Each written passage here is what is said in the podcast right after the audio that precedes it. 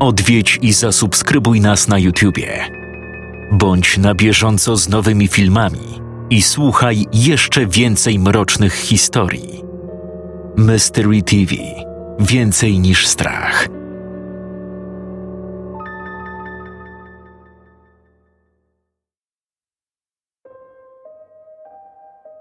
Opowieść inspirowana autentyczną historią osoby z podobnymi doświadczeniami.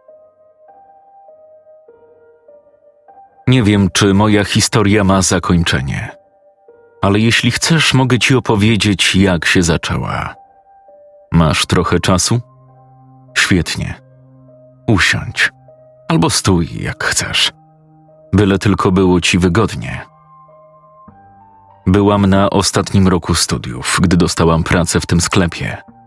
Tydzień wcześniej niespodziewanie mnie zwolniono z poprzedniej firmy, bez wyraźnego powodu. Ale ja już wiedziałam swoje. Szefowa bezustannie podejrzewała mnie o romans ze swoim mężem. To absurd z trzech powodów. Pierwszy, nigdy nie łączę życia prywatnego i zawodowego. Dla mnie kolega z pracy to istota bezpłciowa. Drugi, szef, czyli mąż szefowej, straszliwie mnie irytował swoim beztroskim zachowaniem, zupełnie niepasującym do właściciela dużej firmy. Parę tematów przepadło przez jego elewatorstwo. Na jego wygląd uwagi nie zwracałam. Patrzcie punkt pierwszy. Po trzecie, szefowie są dla mnie czymś w rodzaju abstrakcyjnych maszyn, siły napędowej firmy i tak też ich traktuję. Nie mają więc dla mnie czynnika atrakcyjności. Nigdy nie mieli i nigdy mieć nie będą. Ponieważ obowiązywał mnie dwutygodniowy okres wypowiedzenia, tydzień poświęciłam na porządkowanie swoich spraw w miejscu pracy. Drugi tydzień postanowiłam przeznaczyć na urlop. Byłam pewna, że szefowa mi go sama z siebie nie udzieli, bo tak. Więc poszłam po podpis bezpośrednio do działu kadr i tam zostawiłam wniosek.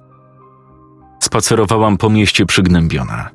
Owszem, miałam oszczędności, ale nie chciałam uszczuplać konta. Musiałam jak najszybciej znaleźć nową pracę. Ledwie to pomyślałam, a moja komórka zaśpiewała donośnie. Cześć. Podobno odchodzisz z roboty.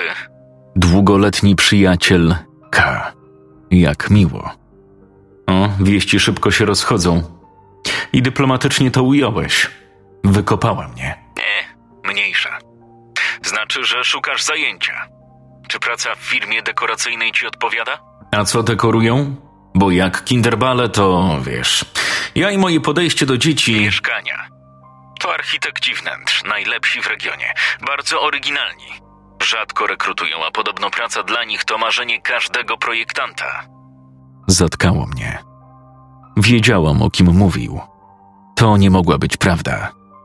Yy, I co sprawia, że uważasz mnie za odpowiednią kandydatkę na to jakże zaszczytne stanowisko? Możesz trochę ukrócić ten sarkazm? Próbuję ci pomóc. Przesłałem im twoje CV i będą dzwonić. No i nie ma za co. Zakończył połączenie. Cholera. On chyba tak serio. Muszę go przeprosić. Architekci faktycznie zadzwonili tego samego dnia. Umówiliśmy się na rozmowę na początku przyszłego tygodnia. Ja zaś zaprosiłam przyjaciela na piwko do najlepszego browaru w mieście, w podzięce i na przeprosiny. Na szczęście nie gniewał się za bardzo. Trzy miesiące później też siedzieliśmy przy piwie, w tym samym browarze, milcząc. Wiedziałem, że chce coś powiedzieć, przeprosić. On wiedział, że ja uważam przeprosiny za bezcelowe i niepotrzebne. Bo skąd mógł wiedzieć? Skąd ja miałam wiedzieć? Więc tak sobie siedzieliśmy w ciszy, a gaz uciekał powoli z piwa, jak ostatni oddech chorej osoby. Architekci przyjęli mnie w swojej siedzibie, której parter stanowił sklep, showroom. Pierwsze piętro biuro projektowe, a piwnice magazyn. Temu ostatniemu daleko było do mrocznych, wilgotnych przestrzeni znanych z horrorów. Duże, jasne pomieszczenie wyłożone kamienną posadzką z metalowymi regałami, szafkami i zmyślnie rozplanowanymi schowkami. Bardziej przypominało biuro numer dwa. W centralnym miejscu znajdował się przeszklony boks, gdzie stało designerskie biurko z fotelem, komputer, niewielka kanapa i szafki z segregatorami. W rogu magazynu znajdowała się niewielka kuchnia, również przeszklona. Zdumiało mnie to. Pomieszczenia socjalne były i w sklepie, i w biurze, bo tam były potrzebne. Ale tu? Pracownik magazynu zawsze mógł wejść te dziewięć schodków na górę, by zrobić sobie kawę w showroomie. Architekci, jakby czytając w moich myślach, wyjaśnili. Często przeprowadzają rozmowy z klientami tutaj, gdzie oglądają oni swój najnowszy nabytek, nierzadko dosyć sporych rozmiarów. Nie ma sensu taszczyć na przykład fotela na górę.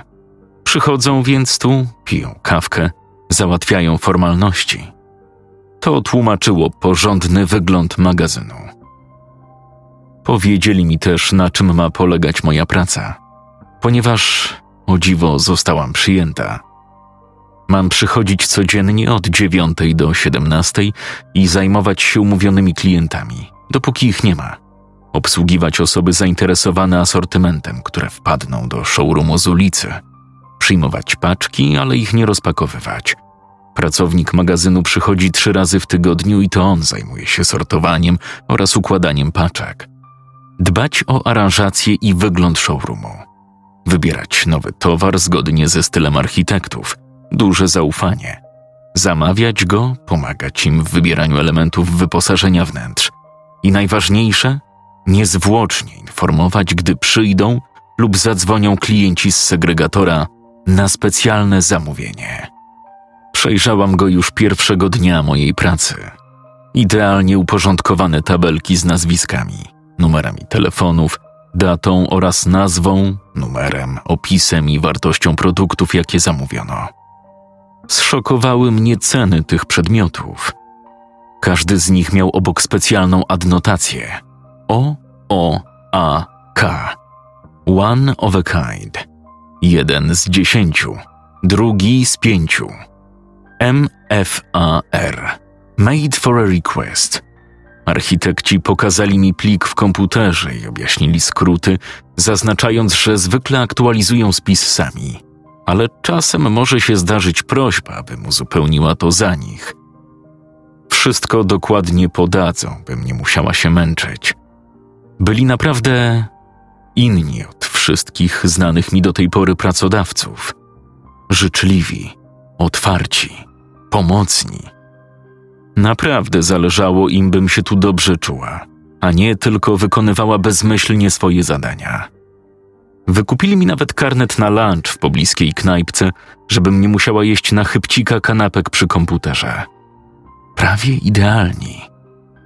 I może dlatego nie mogłam pozbyć się dziwnego uczucia, że coś jest nie tak. Po miesiącu pracy uczucie osłabło. Architekci zaufali mi, powierzali zakupy dla najbardziej wymagających klientów, dali zapasowe klucze do biura i magazynu. Z początku rozmowy ze specjalnymi klientami przeprowadzali sami za zamkniętymi drzwiami, ale potem zaczęłam im towarzyszyć. Spotkania te nie wyróżniały się niczym szczególnym oprócz przedmiotów, wokół których kręciły się rozmowy. Czasem nowych, czasem antycznych, zawsze jednak kosmicznie drogich. Pytania i odpowiedzi, czy spełnia pańskie oczekiwania? Wizualnie tak. Zobaczymy, jeśli chodzi o funkcjonalność. Jeśli jest tylko jeden, nie ma gwarancji, wymiany ani zwrotów. Wie pan, z serwisowaniem i reklamacją sprawa może być nieco skomplikowana. I tak dalej, i tak dalej, i tak dalej. Jak to zwykle bywa z wyjątkowymi produktami w każdej dziedzinie. Mijała połowa drugiego miesiąca mego urzędowania w showroomie. W któryś wtorek zadzwonił służbowy telefon. Pracownik magazynu informował, że ma zapalenie ucha i nie jest w stanie pojawić się w magazynie. Niedobrze, odpowiedziałam. W poniedziałek przyszła większa dostawa. Szefostwo zaś uprzedziło o wizycie kluczowych klientów w środę. Chcieliby produkty, które przyszły, odpowiednio wyeksponować w studio. pufy, fotele oraz lampy. Nie mogli sami tego nadzorować. Byli na spotkaniach służbowych poza miastem do przyszłego poniedziałku. No trudno, zajmę się tym sama. A ty doprowadź się do porządku. Jesteś pewna, że sobie poradzisz? To ciężkie paczki. Może jednak poczekasz. Ja jutro rano spróbuję. Spokojnie, pomalutku powinnam dać radę. Ty zdrowiej. Westchnęłam. No cóż, faktycznie może być trudno, ale co tam? Fizyczna robota mi nie straszna. Zrobiłam sobie kawę, wzięłam klucz od magazynu, telefon i zeszłam na parter. Paczki stały tak, jak je zostawił kurier. Porządnie ułożone, czekające na rozpakowanie stosiki szarych kartonów. Część z czarną taśmą, część z białą, kilka z granatową. Przepatrzyłam napisy na pudełkach. Według wytycznych architektów potrzebowaliśmy w showroomie czterech foteli, trzy pufy i trzy lampy. Mając w myślach układ przedmiotów na górze, zerkałam na opisy. Ten za duży, ten kolorystycznie nie pasuje, ten nie odpowiada stylem, ten jakiś taki nie bardzo. O, te dwa okej, ten też nie. No, a co to ma być? O Jezu, to chyba na specjalne zamówienie. Ten też spoko. Ten na bank nie. Krowa wielkości połowy powierzchni. Wybrawszy fotele, wzięłam się za pufy. Tu sprawa była prosta. Natomiast przy lampach miałam lekką zagwostkę. Cały showroom urządzony był tak, by przypominał wnętrze mieszkania w stylu industrialno-loftowym, z paroma elementami kontrastującej klasyki. Nadawało mu to interesujący, elektryczny klimat. Łamałam sobie głowę, czy lepiej będzie dobrać lampy bardziej klasyczne, czy bardziej nowoczesne. Mieliśmy i takie, i takie. Weszłam na górę, by ocenić proporcje pomiędzy jednymi a drugimi. Zdecydowałam, że wezmę jedną białą, kryształową, w stylu nieco barokowym. Oczy wyszły mi z orbit na widok ceny detalicznej tego cacuszka i dwie w surowym, skandynawskim stylu. Jedną gołą żarówkę Edisona, zamkniętą w drucianej klatce, nie w moim guście, ale co tam. I jedną niemalże steampunkową – Miedziany, gdzieniegdzie muśnięty zielonkawą śniedzią abażur, lejek, z wielkimi nitkami i olbrzymią, ale o niskiej mocy żarówką, której włókna nawet zgaszone miały intrygujący, złotawy odcień. Ostatnia lampa nie miała załączonej faktury ani wuzetki. To akurat nic niezwykłego. Czasem dostawcy dosyłali dokumenty architektom mailem – Problem dla mnie o tyle, że nie wiedziałam, jak ją wciągnąć w rejestr zatowarowania. Ani symbolu, ani nazwy modelu, ani ceny. No trudno. Wpisałam lampa i poszłam aranżować pomieszczenie. Pełna dumy omiotłam wzrokiem sklep. Barokową ślicznotkę umieściłam w kąciku buduarowym. Strzał w dychę. Żarówkę w klatce w kąciku jadalnym. Pasowała jakby zawsze tam wisiała. Steampunkowe dzieło w kąciku relaksacyjnym. Idealnie wkomponowało się w resztę przedmiotów. Fotela w kolorze burgunda, gdzie sadowili się klienci, surowego drewna stolika i regałów na książki, ciemnego metalu nóg mebli. Niedaleko stało moje biurko, gdzie spokojnie wstukiwałam faktury, składałam zamówienia i odbierałam telefony. Lubiłam patrzeć na kącik relaksacyjny. Klienci też go lubili. I dlatego tam ich usadawiałam, gdy byli zmuszeni chwilkę poczekać. Miedziana lampa dopełniała całości. Podeszłam do włączników, przycisnęłam. Showroom rozbłysł różnymi rodzajami świateł, od chłodnych po ciepłe. Iskry zatańczyły w kryształach kloszy – Promienie odbiły się od metalowych abażurów i rozproszyły w drewnianych osłonach. Trzy nowe lampy świeciły zachęcająco. Kilka godzin później zawitał do nas niezapowiedziany kluczowy klient, pan ambasador. Zachowałam kamienną twarz, chociaż z trudem ukryłam zaskoczenie. Zwykle dzwonił albo do biura, albo do architektów – Mieliśmy czas przygotować przedmioty, które potencjalnie mogły go zainteresować. A tu? Wtopa. Ach, niech się pani nie przejmuje. Wpadłem po prostu zobaczyć, co nowego macie. No i nie ukrywam, trochę odpocząć w miłym towarzystwie. Zaśmiał się jowialnie. Ambasador był trochę po pięćdziesiątce. Wciąż przystojny, wysoki, elegancki. Zaproponowałam mu kawę i usadziłam w kąciku relaksacyjnym, wręczywszy przy okazji tablet z naszym nowym katalogiem i spotem promocyjnym. Dodałam, że gdyby był łaskaw wyrazić swoje uwagi, byłaby to nieoceniona pomoc. Nie zaszkodzi trochę się podlizać. Facet zostawiał u nas kupę szmalu. Ambasador z chęcią przystał na propozycję. Obserwowałam go bez zaangażowania z kącika jadalnego, podczas gdy ekspres mozolnie mielił ziarna kawy. Wiesz, jak to jest, gdy musisz na czymś zatrzymać wzrok, ale tak naprawdę wcale na to nie patrzysz? No właśnie. Więc gapiłam się. Myśli uciekły mi gdzieś daleko. Ambasador uważnie oglądał spod. I wtedy miedziana lampa zamigotała. To był pierwszy znak. Jeden z wielu później. Ocknęłam się. Kurde, czyżby żarówka nawalała?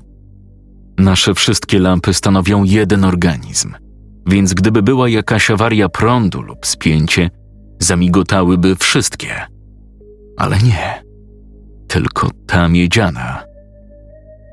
Cholera. Szkoda byłoby takiej ładnej, fabrycznej żarówki. Wpatrzyłam się intensywnie w lampę. Nic. Świeciła pięknym, bladozłotym światłem, idealnym do relaksu, ale nie usypiającym. Ambasador dalej oglądał spot, jakby nigdy nic. Ekspres piknął. Kawa gotowa. Ustawiłam filiżankę na tacy wraz z cukrem i ciasteczkami.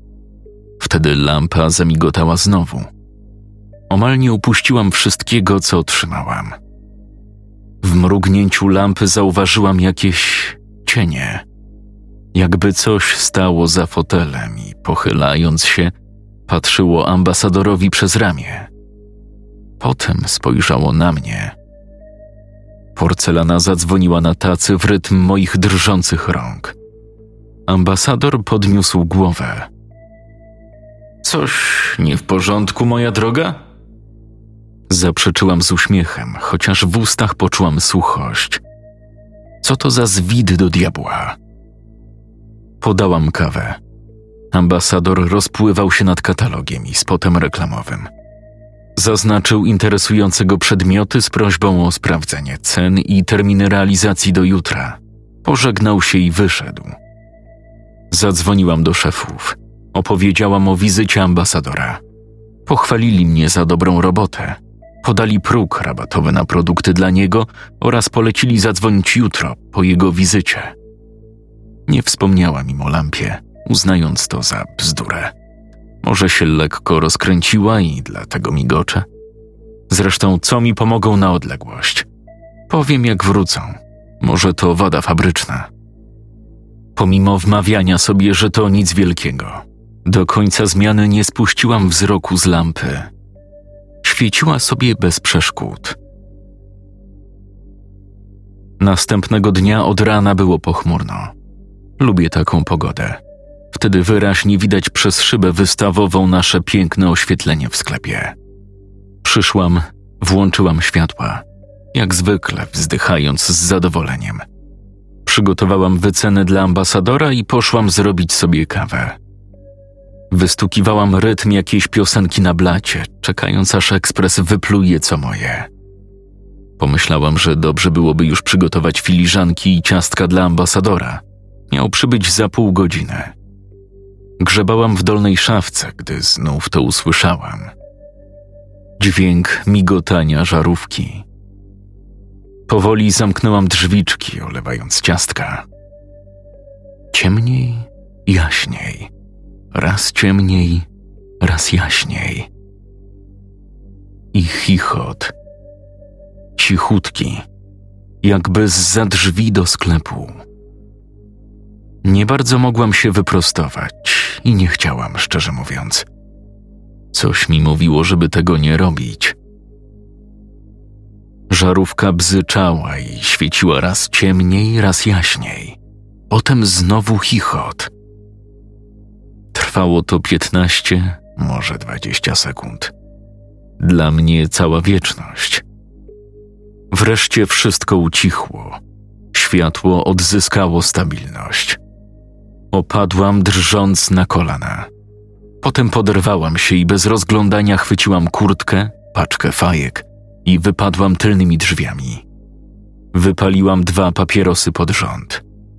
Co się do cholery dzieje? Ambasador przybył punktualnie. Do tego czasu moje nerwy nieco przycichły, a ręce przestały się trząść. Zanim zdążyłam wskazać mu inne miejsce, z zadowolonym westchnieniem opadł na fotel pod tą przeklętą lampą. Modląc się w duchu, żeby przestała robić głupie numery, cały czas miałam ją na oku, jednocześnie pokazując ambasadorowi kwestionariusze zamówień oraz objaśniając ceny poszczególnych produktów. Podawałam kawę za kawą. Ambasador zdążył pochłonąć półtorej opakowania kruchych ciasteczek i nic się nie stało. Czy się rozluźniłam? Nie. Oczekiwałam uderzenia w najmniej spodziewanym momencie. Zmuszałam się do śmiechu z żartów ambasadora. Opisywałam mu pożądane przedmioty oraz podawałam czas realizacji poszczególnych zamówień. Ach, kochanie, mógłbym przesiedzieć z panią cały dzień, jednak z żalem muszę się zbierać. Obowiązki. Uśmiechnął się. To był naprawdę atrakcyjny facet. Wyprostował plecy, przeczesał dłonią szpakowate włosy, na opalonej skórze przykuwał wzrok ślad po pierścionku, chyba obrączce. Architekci wspominali, że ambasador był dwukrotnym rozwodnikiem. No, no. Zajrzę jeszcze około szesnastej. Chciałbym przedyskutować sprawę tej komody ze szklanym frontem i włoskich kafelków.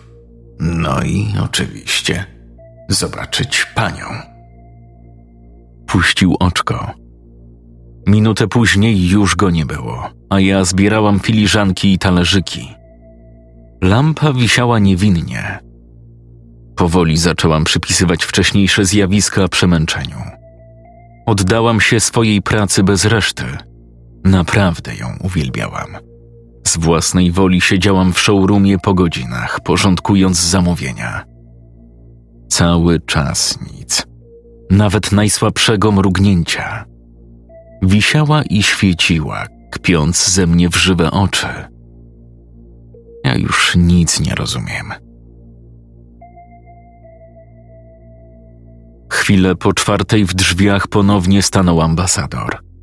Kluczowi klienci zapowiedziani na ten dzień już dawno wyszli. Byli bardzo zadowoleni z załatwienia dla nich kilku rzadkich przedmiotów. Wykorzystałam przerwę na lunch, by skoczyć do sklepu po świeże owoce. Ambasador przepadał za morelami, brzoskwiniami i mandarynkami. Obrałam je, ułożyłam ładnie na półmisku, do tego dodałam szklankę wody mineralnej z limonką. Moja droga, myśli pani o wszystkim. Uradowany gość chwycił pokaźną garść owoców. Właśnie przeszło mi przez głowę, że chętnie zjadłbym trochę mandarynek. A tu proszę. Chyba panią zatrudnię. Cud, nie kobieta. Co tu dużo gadać? Zarumieniłam się. Facet potrafił być prawdziwym czarusiem. Nawet jeśli opowiadał bzdury, miło czasem coś takiego usłyszeć. On wsuwał owoce.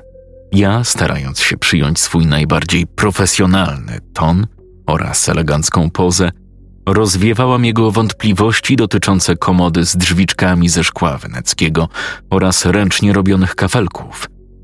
Mówiłam dosyć długo, podkreślając zalety rękodzieła włoskich mistrzów.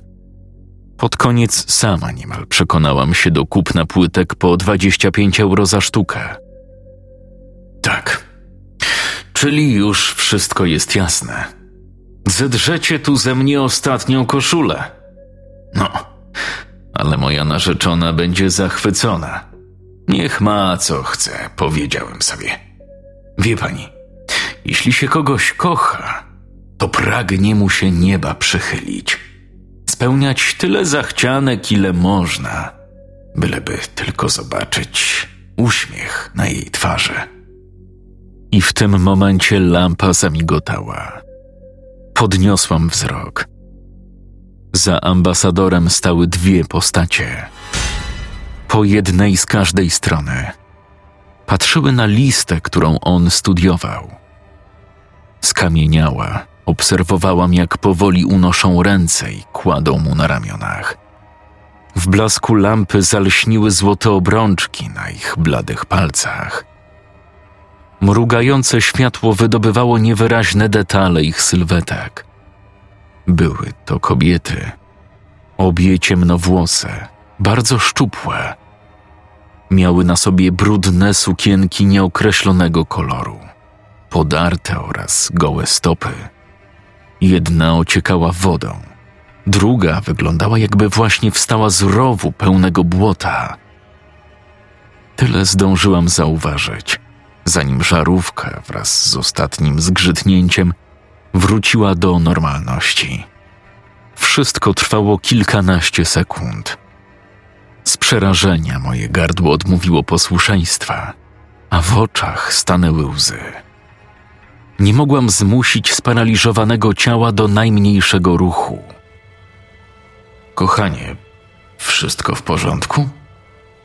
Głos ambasadora docierał do mnie jak przez warstwę waty, a potem wszystko pociemniało. Otworzyłam oczy. Nad sobą zobaczyłam krokwie i plątaninę kabli. Gdzie ja jestem? Podniosłam głowę. Leżałam na jednej z kanap w naszym showroomie. Obok, na pufie, przykucnął zaaferowany ambasador. Zemdlała pani. Długo nie mogłem pani docucić. Karetka już jedzie. Zadzwoniłem do architektów, bardzo się zmartwili. Są w drodze powrotnej. Ale po co? Przeraziłam się. Lampa. Cholera. Nie mogą tego zobaczyć. Muszę im powiedzieć. A jak mi nie uwierzą? Co mam do diabła zrobić? Dziecko, tak nie można. Zemdlałaś na środku pokoju z niewiadomych przyczyn. Może ci być coś poważnego. Architekci też są tego zdania. Widać, że kochasz swoją pracę, ale bez przesady. Ambasador został ze mną przez całą wizytę ratowników medycznych. Musiałam solennie obiecać stawiennictwo na badaniach neurologicznych. Nieco się uspokoiłam. Wypiłam gorącą herbatę. Kiedy za jego namową zaczęłam wybierać numer do architektów, by sprawdzić, za ile dotrą tutaj, uspokojony poszedł sobie, zapewniając, że zadzwoni za pół godziny. Pomimo okropności sytuacji, to było miłe i w pewien sposób łechtało moją próżność, nie powiem. Czarujący mężczyzna skaczący dookoła ciebie. Marzenie każdej dziewczyny. Pozwoliłam sobie na kilka minut fantazji. Chwilę potem, jak żywe, stanęły mi przed oczami te kobiety. Przerwałam wybieranie numeru architektów. Ręce znów zaczęły mi się trząść, kolana zmiękły. Ta zasrana lampa. Przez chwilę biłam się z myślami. Powiedzieć im czy nie? Przecież to ich zakup. Ale skąd mam wiedzieć, czy to nie moje zwidy? Może po prostu wariuję? Lampa, jak nadany znak, znów mrugnęła. I znów. Najpierw szybko, potem wolno, jakby z namysłem. Chichot. Cichutki, dziewczęcy. Zza moich pleców. Powoli odwróciłam głowę. Do szklanych drzwi showroomu przyklejało buzię dziecko. Mały chłopczyk. Nic niezwykłego, gdyby z ust nie ciekła mu ciemna maś, a lewą część głowy miał strzaskaną. Ponownie straciłam przytomność.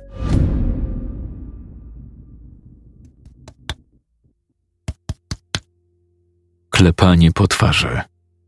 Najpierw lekkie, potem bardziej natarczywe. Wreszcie dość solidne uderzenie. Otwieram szeroko oczy, zszokowana ciosem. Dwie zaniepokojone twarze, dwie pary uważnych oczu. Architekci. O nie. Zerwałam się jak mogłam najszybciej, z przeprosinami wypływającymi na usta, ale coś w ich minach kazało mi zamilknąć. Starszy wciąż patrzył na mnie uważnie. Młodszy omiatał wzrokiem showroom. Wtedy jego wzrok padł na lampę.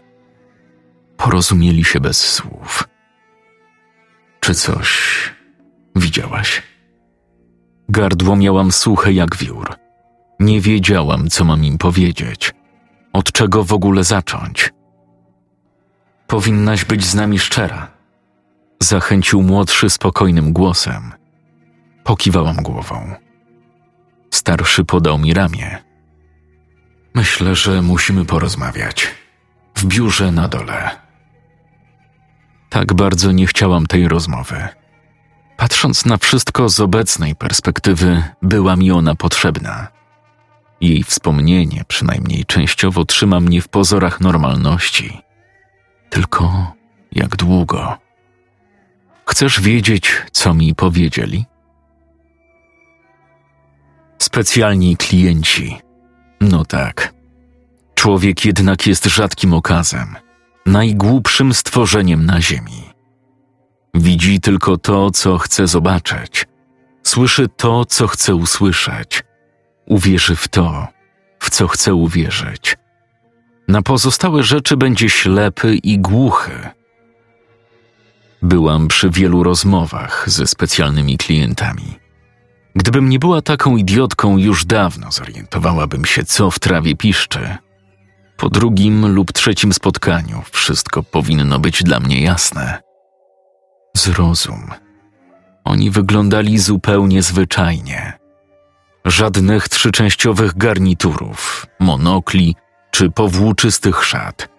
Żadnych czarnych koronek i dziwacznych kapeluszy z woalką. Nikt z nich na dzień dobry nie wyciągał szklanej kuli, nie machał przed oczami talią kart tarota, nie wykrzykiwał, że rozmawia z twoją zmarłą kuzynką. Przypominali księgowych lub porządne gospodynie domowe. Cisi, nie wyróżniający się z tłumu ludzie, bardzo grzeczni, doskonale wiedzący, czego chcą. Okultyści, spirytyści, medium z tych prawdziwych, nie jakieś telewizyjne podróby. Architekci spokojnie tłumaczyli mnie, przerażonej całą sytuacją, na czym polega różnica. To, że chcesz się skontaktować ze zmarłą kuzynką, nie oznacza, że powinieneś, albo że w ogóle możesz.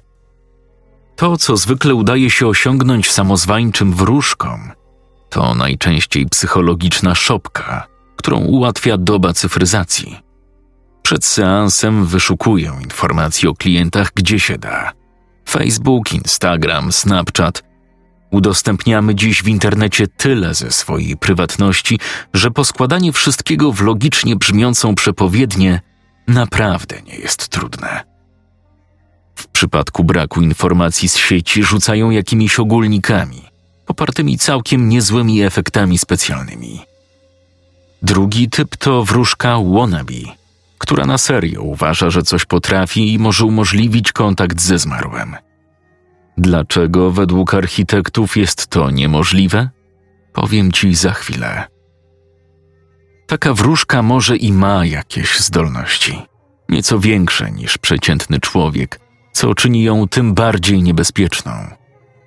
Gdyż to, z czym rozmawia, nigdy nie jest żadnym zmarłym członkiem rodziny, a groźnym bytem, który żeruje na ludzkiej rozpaczy, oszustem i pasożytem czekającym na szczelinę w samoobronie duszy danego człowieka, by się tam wślizgnąć.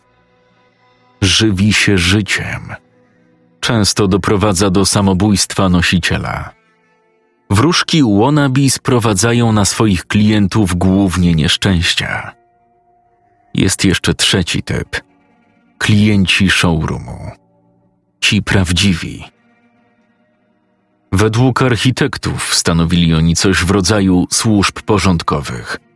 Jest parę grup: śledczy, pościgowy, klawisze, sędziowie. Cały system penitencjarny zaświatów. Widzisz, po śmierci dusza człowieka zwykle idzie dalej. Na potrzeby dyskusji przyjmijmy, że w zaświaty, a czasem zostaje pomiędzy. Nie jest ani tam, ani tu. Wtedy musi trochę się wysilić, by pójść gdzie powinna. Jednak są takie niespokojne dusze, zranione, wściekłe. One wtedy zostają tu, jak sama widziałaś. Ofiary morderstw? O, widzisz, rozumiesz. Ale nie tylko. Wypadki, choroby, samobójcy, którzy niestety już po fakcie zdają sobie sprawę, jaki błąd popełnili. Czyli, że co? Samobójstwo to grzech, więc nie wpuszczą ich do nieba? Nie, nie, nie w tym rzecz. Wzgardzili darem życia. Muszą więc posnąć się po świecie jeszcze przez ten czas, który teoretycznie był im przeznaczony, bez możliwości kontaktu z bliskimi, bez prawa do niczego. A potem tak, mogą iść dalej. Śledczy wypatrują takie dusze, te, które zostały. Najczęściej są w miejscach, gdzie gwałtownie przerwano ich życie. Czasem towarzyszą ukochanym. Różnie bywa. Pościgowcy mają za zadanie je złapać, co jest bardzo trudnym zadaniem. Klawisze więzią duszę do czasu przybycia sędziów. Ci odsyłają duszę do pomiędzy. Jak? Nie chcesz wiedzieć. Po prostu im pomagają. Wysłuchują, co tamte chcą im przekazać. Czasem pomoc inna niż odesłanie do pomiędzy jest możliwa, a czasem nie. Dlatego kontakt z duszami zmarłych jest niewykonalny, ponieważ przebicie się z pomiędzy wymaga od nich wielkiej dawki energii. A co dopiero z zaświatów? To zaburzyłoby równowagę. My istniejemy w swoim świecie, a oni w swoim. I tak ma być. Ale przecież czasem słyszy się o interwencji z zaświatów. Że czyjaś zmarła mama kogoś ostrzegła, to najczęściej jest ktoś wyżej. A przyjmuje postać osoby, którą kochasz lub kochałaś, byś łatwiej mogła im zaufać. Wyobraź sobie telefon. Dzień dobry, z tej strony Bóg. Nie leć tym samolotem. Druga hmm, strona barykady. Zresztą posługuje się tymi samymi technikami. Wiadomości od zmarłej babci przecież uwierzysz. Choć z trudem, prawda?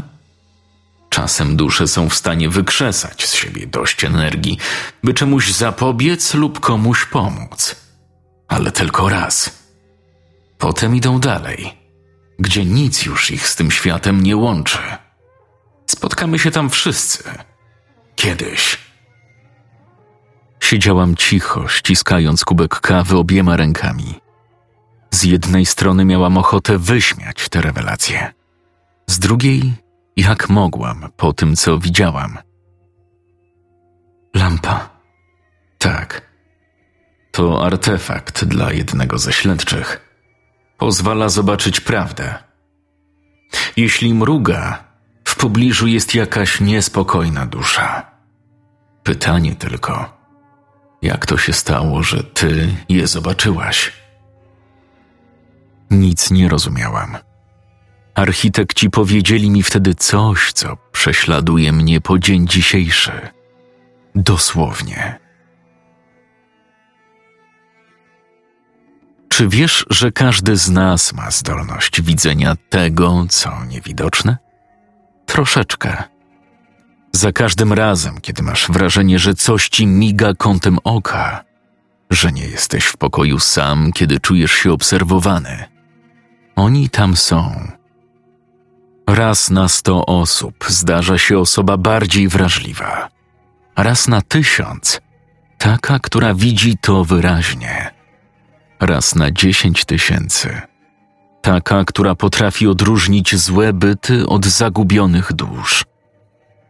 Są też tacy, którzy tylko je czują, słyszą, dotykają, ale nie widzą. Jak ślepy w świecie duchów. Ta przeklęta lampa była przeznaczona właśnie dla kogoś takiego. W większości przypadków, jeśli coś odczuwasz, najpierw umierasz ze strachu, a potem wmawiasz sobie, że ci się zdawało. I dobrze robisz. Bo zrozum, jeśli ty je widzisz, one widzą ciebie. I większości z nich wcale się to nie podoba. Dlatego trzeba udawać. Prawie wszyscy kiedyś ludzie mają tu coś do załatwienia.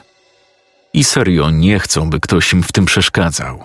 Ewentualnie nachalnie domagają się pomocy. A złe byty? One po prostu takie są. Wredne. Istnieją, by szkodzić. I biada ci, jeśli im to przerwiesz. Dlatego widzisz, ale nie widzisz. Tak to się robi. Skąd miałam o tym wiedzieć? Nikt mi nie powiedział. Ani o tym, że to jest zaraźliwe. Jeśli komuś o tym powiesz, a on ci uwierzy, wcale sobie nie pomagasz, a jest już was dwoje. Przepraszam, K. Jestem jedną na tysiąc. Zawsze byłam. Spychałam to tylko w głąb siebie. Gdy byłam nastolatką, myślałam, że jestem chora. Gdy byłam starsza, nauczyłam się ignorować. A potem nadszedł ten dzień z lampą. Oni wiedzą, że ja wiem. I przychodzą. Nic mi już nie daje udawanie. Szepczą, krzyczą, czasem próbują zrobić mi krzywdę. Drapią, gryzą. Są ze mną w dzień i w nocy. Kobiety od ambasadora towarzyszą mi cały czas. Nigdy nic nie mówią, chociaż pytam. Nie wiem, kim są, ale się domyślam. Ale co mogę zrobić z tą wiedzą? Pójść na policję i powiedzieć, że ambasador chyba zabił dwie poprzednie żony, nie mając nic, co popierałoby moje słowa? Dziecko, które widziałam, przychodzi do K. Oprócz nich są jeszcze inni. Mój przyjaciel jest na skraju załamania nerwowego. Nie zabiliśmy się jeszcze tylko dlatego, że już wiemy, co się dzieje z samobójcami. Architekci obiecali pomóc, ale specjalni klienci przyjeżdżają hurtem raz na kwartał. Spędzają około tygodnia w mieście lub rzadziej. Sami się kontaktują z showroomem, więc nie wiem nawet, gdzie ich szukać, ani jak odróżnić ich od fałszywek.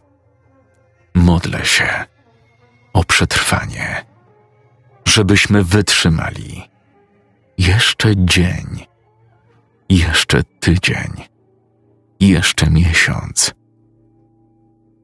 Wierzysz mi? Nie powinieneś. Czytał Jakub Rutka.